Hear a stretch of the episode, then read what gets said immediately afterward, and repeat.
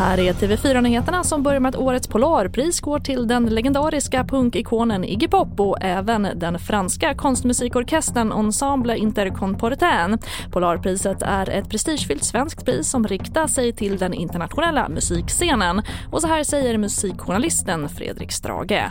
Först tänkte jag vad sorgligt att David Bowie aldrig fick Polarpriset och att hans protegé Iggy får den nu. Men man kan alltid hålla på och tjafsa sådär. Det är väldigt roligt att Iggy Pop får Polarpriset. Han var punkens gudfader.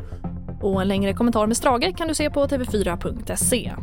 Och från och med midnatt släpps de flesta restriktionerna kopplade till coronapandemin, exempelvis antal besökare på konserter eller i köpcentrum. Men de ekonomiska stödåtgärderna som gäller för såväl medborgare som företag kommer att fortsätta att gälla fram till sista mars. Och det här meddelade regeringen idag.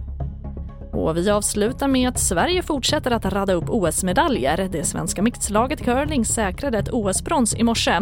Almida Deval och Oskar Eriksson var de som slog Storbritannien och vann med 9-3. Och det var Sveriges fjärde medalj i vinter-OS. Och även det här kan du summera på tv4.se. I studion nu, Charlotte Hemgren.